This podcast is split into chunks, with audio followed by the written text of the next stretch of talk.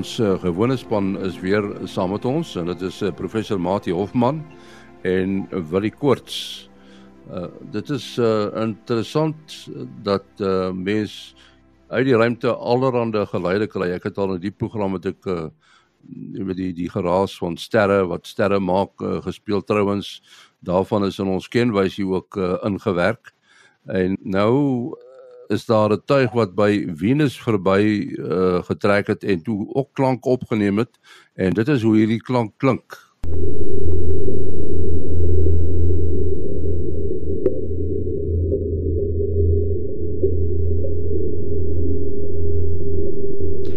Uh, wat is dit is 'n vreemde klank daai. Uh, wat is dit presies? Ja, mens uh glad nie soos jy hom nou voorstel soos Hollywood hom nou vir ons voorstel nie. Klank in die ruimte kan nie voortplant nie want dit is 'n vakuum. So wat hulle hier doen en dis nogal iets soortgelyks wat ehm um, wat op van ons instrumente in Sutherland sit wat juis gebou is deur mense wat ehm um, wat ruimtetuie bou en en uh dit is 'n accelerometer in Engels of 'n of 'n versnellingsmeter as jy dit nou wou sou vertaal. En um, die versnellingsmeter is is dan uh iets wat jy dan op die ruimtetuig se se romp sal vasbou. En jy sal hom tipies vasbou op 'n plek waar die romp 'n bietjie kan meegee, kan jy dit maar amper stel.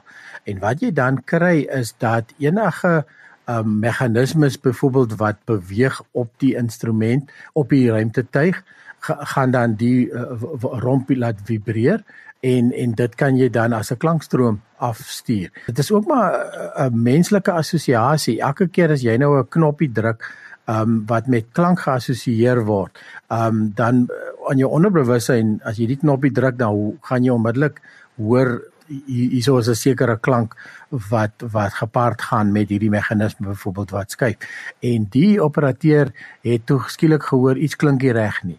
En uh, dis ook 'n bietjie on ondervinding natuurlik en so aan en toe nou die mense daar geroep en gesê jong kom luister hierso hier klink dit dink nie lekker nie.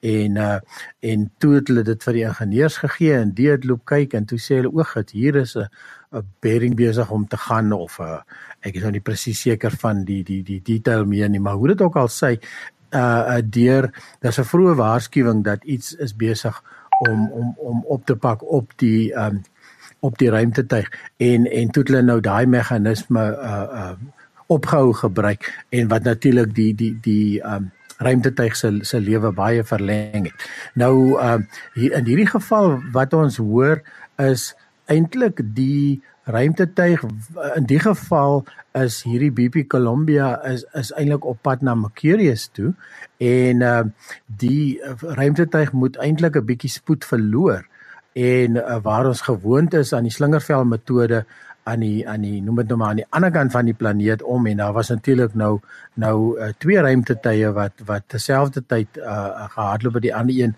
is die Solar Orbiter wat moet 'n hele paar keer nog om uh, uh, Venus kom vlieg om uh, om net elke keer nog meer en meer spoed by te kry het hierdie uh, uh, ruimtetuig die BB Columbia wat op pad is Mercurius toe moes van sy uh, spoed ontslaa raak 'n bietjie. So wat jy dan hierso hoor is eintlik dis nou nie 'n versnelling nie, dit is nou eintlik die die uh, teenoorgestelde van versnelling dat die ruimtetuig begin spoed verloor en dan ook omdat Venus ons weet Venus se oppervlaktemperatuur is loodkant smel daar. Dit is hier um, amper 500 grade Celsius en die ruimtetuig het baie baie naby Venus verbygevlieg dat jy selfs die verhitting van die uh romp van die ruimtetuig uh is dan waar hierdie wat klink soos kraakgeluide is is waar dit vandaan kom. So dit is eintlik nogal ongelooflik laat laat klank al hoe meer rol speel in in ruimtetuie vandag wat wat uh, wat vir ons hele nuwe dimensie daarop gee. Ja, wil jy net uh, om aan te sluit daar by jou die uh, afstand wat BP Colombo vanaf Mars was was 'n skrale 552 km. Uh, nou dit is omtrent so ver soos wat die Hubble teleskoop bo die uh, aarde se oppervlak is. So dis nogal baie naby vir 'n uh, slingervel verbyvlug. Uh, Daarteenoor het die ander tuig wat nou die afgelope week uh, ook daar verby is, uh, die Solar Orbiter het is wel 'n hele paar duisend iets soos uh, 8000 km wat hy daar verby is. Ehm um, maar in geval die die die die die klank uh net om aan te sluit met ons alledaagse lewe. Ons weet dit is belangrik om na die geluide uit jou motor se engine uit uh hmm. luister. Weet as iets skielik anders klink, is dit dalk goed om te gaan te gaan klop by jou motorwerktuigkundige en skade te voorkom. En uh een van die gereelde luisteraars Dries Stroeg, hy is die uh, afgetrede stigtings um, bestuurder van die Matimba kragstasie. Hy het my vertel hoe hy in sy tyd daartoe die kragstasie gevestig het. Hy was nog baie goed. Dit is nou een van die uh die suksesvolle uh, kragstasies in Suid-Afrika. Het hy altyd met 'n stetoskoop rondgeloop en al die masjiene geluister met die stetoskoop om die geringste uh afwykende geluide wat nie is of verander het uh op te tel. Uh so is nou maar net die analoog daarvan op enige masjien met bewegende dele of veranderinge tot geluide kan lei en vir jou insig nog gee moet jy nou maar net uh gaan net Wil jy uh, ons uh, het al in die program ook oor oor novas en supernovas gepraat.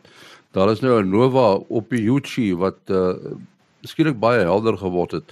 Maar voor jy daaroor praat, verduidelik dit wat die verskil tussen 'n 'n nova en 'n supernova? Ja, so die woord nova beteken nuut.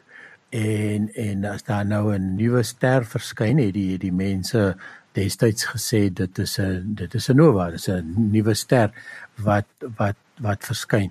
Ehm um, later soos ons meer en meer van uh die meganismes van hoe nuwe sterre verskyn en en hoe en hoekom hulle verskyn meer en meer daarvan geleer het en natuurlik nou deesdae wat ons kan spektroskopie en die klas van goed doen wat Martin nou net van gepraat het kan 'n mens bepaal uh um dat daar's eintlik verskillende tipe supernova byvoorbeeld en dan is daar um verskillende tipe nova.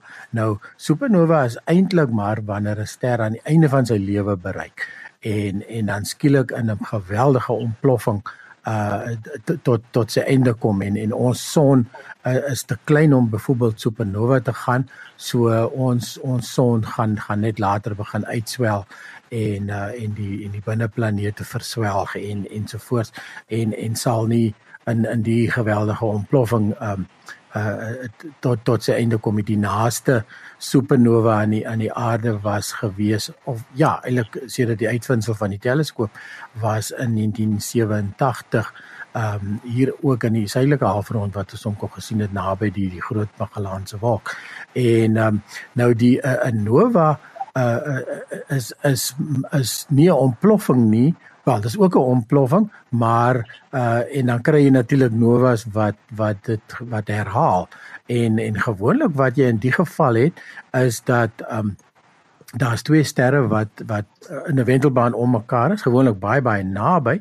En meeste van die tyd sal dit 'n rooi reusster wees. En dit is ook min of meer waar die lig van die stelsel vandaan kom wanneer hy nie 'n uitbarsting is nie en dan 'n tipe van 'n dwergster um wat uh, wat baie na aan hierdie ster sit. Die dwergster sal sal tipies baie baie dig wees. Um en en 'n uh, ongeweldige swaartekrag hê wat dan eintlik materiaal steel van die in die die, die rooi reus of of die rooi die rooi die, die ja ja die rooi reus ster waar waarom die twee mekaar die twee wendel natuurlik om mekaar soos ons gesê het. En dan wat jy dan kry is dat die materiaal wat dan op die op die dwergster val uh begin uh um saam saam gevoeg te word kan jy amper sê en dan op die ou end is daar genoeg materiaal om om dan om dan uh, uh atoomfisie min of meer aan die gang te sit. Dit is nie heeltemal dieselfde prosedure nie, maar dit is baie dieselfde deur die proses waardeur 'n ster gewoonlik deur sy lewensyd brand soos ons son op hierdie stadium. En uh en dan skielik uh, kry jy dat kry jy amper soos ontbranding, maar dit is nie regtig brand nie, maar dit is suurstof betrokke nie. Dit is maar atoomfisie in die klas van goed. En en dan um uh, dan word hierdie materiaal weer in die ruimte ingeskiet en en ehm um, so so uh, tipies gaan so ster dan helder bly vir ehm um, 'n klompie weke en en uh, en dan natuurlik vir helder uh, wanneer hierdie sogenaamde ontploffing ehm um, uh, plaasvind. Ja.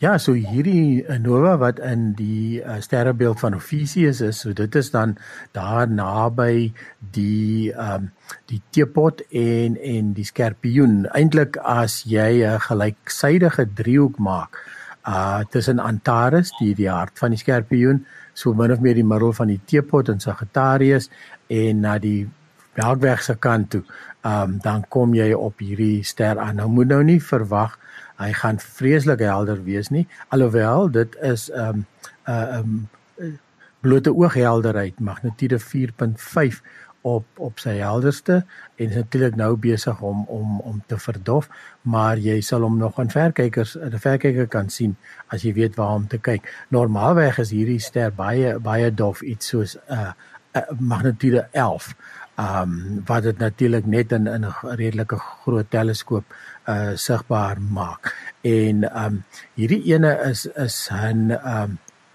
'n nova wat wat eintlik ehm um, herhaal redelik gereeld. Ehm um, die laaste keer ehm um, die laaste keer wat dit wat dit gebeur het was uh in in Februarie 2006 en dan voor dit was in Januarie 1985. So elke 15 jaar omtrent het dit sal hierdie ster in, in uitbarsting kom en wanneer hierdie proses dan nou net weer herhaal na die materiaal die ruimte ingeskiet is, dan begin daar weer 'n nuwe 'n nuwe klomp materiaal opbou op op hierdie op hierdie ster. Ja, en dit vir interessantheid alwe die die die uh, die ontploffing, die snelheid waarmee hierdie gas in die ruimte ingeskiet word is so rondom 2600 km nie per uur nie per sekonde. So dit is geweldige kragte wat ons hiervan praat. Ehm uh, ja, so tipies sal hierdie herhalende nowe sal uh, so tussen 10 en 100 jaar uh ehm uh, uh, herhaal en dan kry jy wat op la, baie langer uh, tydskale werk ehm um, van tussen 1000 en 100 000 jaar. Mens ja, so in in die meeste mense se lewenstyd ehm um, jong mense wat hier luister vandag sal hierdie hierdie nova nog uh miskien 2 of 3 keer in hulle lewenstyd weer sien herhaal. Goed, uh, ons uh, wil 'n bietjie gesels oor 'n brief van John Little van Bonnievale. Nou Mati, hy praat van 'n uh, lig wat in die ruimte rondwaai. Nou daar's natuurlik nie lig in die ruimte nie, né? Mati? Ja, uh, nee, ek sal dit nie lig noem nie, maar daar is sekerlik uh elemente uh mens kan maar sê 'n baie dun gasse. Uh as ons nou van lig praat, dan dink ons nou maar aan die aarde se atmosfeer en dit is 'n mengsel van gasse waarvan ongeveer 80% stikstof is en ongeveer 20% suurstof. Uh maar die aarde se atmosfeer het deur die millennia het dit verander. Uh mens sou kon vra hoekom het dit verander? 'n deel daarvan kan wees uh, uh elemente wat tot die atmosfeer toegevoeg is van buite af. Maar dan was dit nou veral as gevolg van meteoriete. Uh ongeveer 4 miljard jaar gelede was daar 'n geweldige storm van meteoriet impakte baie baie meer as wat ons vandag beleef en dit het sy letsels op die maan uh baie sigbaar gelaat op die aarde kan ons nou nie meer daardie eh, meteorietkrater sien nie omdat ons 'n uh, verwering het weens die weens die atmosfeer weens reën en uh, en wind. In elk geval, uh as uh, John nou vra, uit 'n baie interessante vraag, hy verstaan die uh kompetisie om die aarde se atmosfeer te behou tussen die uh sonwind wat dit wil wegdryf, maar dan uh danksy ons magneetveld word ons in 'n groot mate daarteen uh beskerm en dan die gravitasie wat alles wat massa het probeer terugtrek na die aarde toe. Uh en uh die balans is baie baie naby aan konstant want oor 'n baie lang tyd het die atmosfeer en nou praat ek van van ongeveer 2 miljard jaar lank het die atmosfeer min of meer sy huidige samestelling behou. Uh enige elemente wat toegevoeg word van buite af tot ons atmosfeer sal eh, wat moontlik skadelik kan wees want dit is nou 'n deel van John se vraag sal weglaatbaar klein wees in vergelyking met wat ons self tot die atmosfeer voeg deur al ons industrieë uh, wat nadelig is. Uh ons sou die die beweging deur die ruimte die die inter die die kom sê nou maar die interstellêre uh, ruimte daar buite die aarde se atmosfeer dan praat ons nou van verder as sê 10000 km want op 10000 km is daar nog 'n baie dun atmosfeer.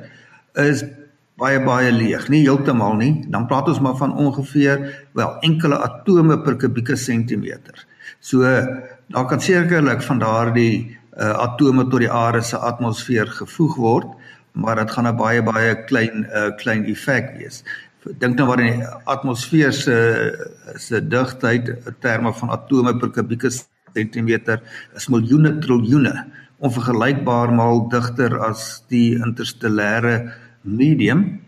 Uh maar net so interessantheidshalwe verreweg die meeste van die uh, baie dun gas wat dan in die interstellêre medium is, is waterstof en helium. Maar daar is ook ander gasse al gevind in sekere omgewings uh mens kan nou maar uh gaan dink aan uh organiese gasse naby die maan Titan in die vakuum rondom die maan Titan bloot omdat dit van die atmosfeer af gaan uitlek maar dan kry mens selfs reusagtige uh alkoholwolke in die ruimte. Uh maar dan sit nou ba baie min van die etanol wat ons nou in wyn en bier uh, kry en uh, baie meer van die skadelike atol uh, alkohol metanol. So maar selfs al sou ons nou deur so 'n uh, wolk van metanol beweeg, is die digtheid so laag, dit sou nie 'n wesenlike gevaar vir ons kon inhou nie, maar mens kry sulke soort uh, gaswolke. Ek het alselfs by geleentheid gel gelees van sianiekmolekuule wat hulle waargeneem het. Uh wat die metanol betref is baie interessant dat die uh, metanolgas uh uh kan tot baie interessante verskynsels lei wat masers genoem word. Dit is die uh analoog van lasers maar in die uh, mikrogolf uh, gebied van die elektromagnetiese spektrum. Uh maar uh Jan se aanvoeling is korrek, daar is baie interessanthede rondom die gasse buite die atmosfeer. En op hierdie stadium sal die uh, meteoriete of die meteore wat dan nog in ons atmosfeer verbrokkel, uh, sal baie meer uh, elemente of gasse tot ons atmosfeer voeg as wat daar nou uit die ruimte uit opgevang word onder die aarde daardeur uh, beweeg. Uh, ongeveer 15% van die massa van uh meteore kan opeindig as gas in die atmosfeer, maar dan veral uh waterstofdamp en koolstofdioksied. Uh nou dit is nie ga skadelike gasse nie behalwe dat koolstofdioksied uh bydra tot uh die kweekhuiseffek. Ehm uh, maar in geval dit sal baie minder uh, baie klein bydra wees weer eens as wat ons deur ons menslike aktiwiteite tot die atmosfeer voeg. As 'n mens uh, nou kyk na wat buite ons sonnestelsel aangaan, jy weet daar waar uh die uh die twee tye, die ja die Voyagers Hmm. Wat het soort gas hulle mens daar kry of is die gasse wat jy van praat is dit sonnestelsel georiënteer? Ja, die gasse wat jy in die in, in die ruimte gaan kry, uh oorweldigend is dit waterstof en helium, maar in sekere omgewings, byvoorbeeld rondom sekere sterrestelsels of naby uh planete of naby sê nou maar die maan Titan, uh, kan dit dan nou heelwat anders wees as net in die gemiddelde uh, interstellêre medium. En uh, waterstof en helium is nou maar die amper sê maar die basiese elemente wat uit die oerheelal uitkom waaruit sterre gevorm het. Uh en dan is ander elemente is mettertyd toegevoeg uh omdat dit in die sterre gevorm het deur die uh versmeltingsprosesse tot en met yster en dan word nog 'n klomp elemente in supernova ontploffings uh gevorm.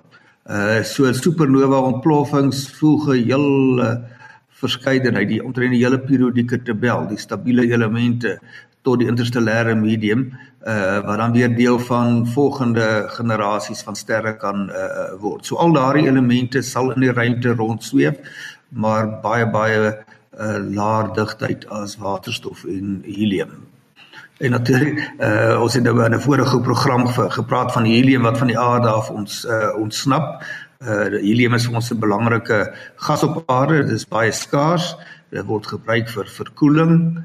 Ehm um, want vloeibare helium uh is baie uit 'n baie baie lae temperatuur. Uh so dit is nogal 'n probleem, maar dit is omdat dit 'n baie ligte element is, 'n baie lae digtheid gas. Ehm uh, en dit kan gaan na die boonste laag van die atmosfeer van waar af dit dan kan nou ehm uh, deur die sonwind weggedryf word. Nou ons het in uh, die program al baie gepraat oor InSight. Dit is die tuigie wat daar op Mars net op een plek bly en uh meet wat binne in Mars aangaan. Uh Mati, die jongste bevindinge is nogal interessant, nê? Nee? Nee, dit is uh, baie interessant uh, die uh wetenskaplikes wat uh agter die sending sit is baie opgewonde want hulle het 'n uh, dekade lank gewag vir hierdie data vandat hulle nou die sending uh beplan het. Die die die hoof uh ondersoeker Bruce Barnett uh stel dit so uh this represents a culmination of all the work and worry over the past decade. Uh so uh, wat hulle natuurlik gedoen het is met die seismometer uh, ons kan dalk praat van 'n seismograaf ook in in Afrikaans en sy naam is SAIS. so dis maklik om te onthou is 'n uh, akroniem vir uh die uh, seismic experiment for interior structure. So dit was een van die hoofdoelwitte uh van hierdie sending wat in Mei 2018 ehm um, uh, op Mars geland het. Nou die uh, hele idee dan was om met die baie sensitiewe uh, seismograaf wat op die oppervlak van Mars neergesit is, uh, al die sogenaamde Marsbewings, na analogie van aardbewings, uh, op te tel. En dan hierdie uh, aardbewings word oorweldigend deur uh, meteorietimpakte veroorsaak. En soos wat ons weet is daar nie baie uh, uh, vreeslik baie groot impakte en die groot impakte is maar baie ska skaars. Anders sou ons dit gereeld deur ons teleskope gesien het. Soos klein impakte wat baie klein ehm uh, uh, marsbewings tot gevolg het. Nou hulle het in die tydperk in die paar jaar het hulle uh, meer as uh, 700 uh, sulke gebeurtenisse waargeneem. Uh, maar die da uh, data wat hulle gebruik het om nou uh, die eerste redelik akkurate model van wat binne Mars aangaan op te stel is gebaseer op 'n uh, substel van ongeveer 30 ongeveer 35 uh van hierdie uh, uh gebeurtenisse. Uh, en uh wel die gevolgtrekkings kan ons dan so stel uh is dat hulle kan maar soos by die aarde kan hulle onderskei tussen die die kors uh en dan die mantel en dan die kern. Uh nou die kors is kan wissel tussen 20 tot 40 km in dikte. So dis nou maar die boonste laag. Uh dit hang af of die kors dalk in twee sepla verdeel is. Dit weet hulle nou nog nie uh, afdoende nie. En interessant is dit is vergelykbaar met die dikte van die aarde se kors wat op so gemiddeld 40 km uh, geraam word. Mens moet in gedagte hou dat die aarde se deursnee is uh, ongeveer 12000 uh 400 km en Mars is uh maar ongeveer die helfte daarvan. Uh so dit uh, maak dit nou 'n bietjie anders. As ons dan nou gaan kyk na die volgende uh laag, die mantel, uh dan strek dit uh natuurlik aansienlik dieper. Die aarde het 'n uh, bo-mantel en 'n ondermantel. Uh ek sien nou nie dat hulle dit subverdeel hierso in die geval van van Mars nie, maar dit gaan dan uh in elk geval meer as 1000 km nog dieper in. Ehm um, en dan kom die uh, die kern betref uit 'n Mars se geval uh ongeveer uh 'n radius van 1600 km.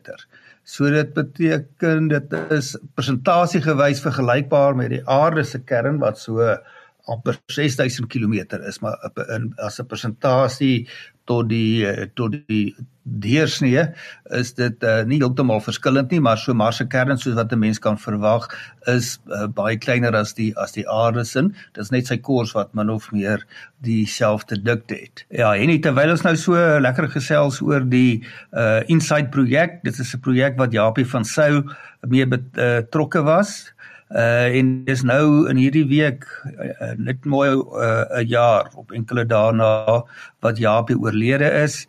Uh so ny, sy nalatenskap is nog daar op Mars. Uh ook met die uh, uh Ingenuity tuigie wat daar rondvlieg en nog baie suksesvol is.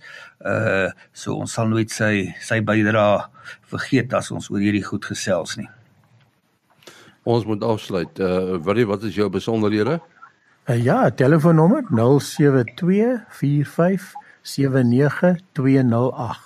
0724579208. En dan Mati 0836257154.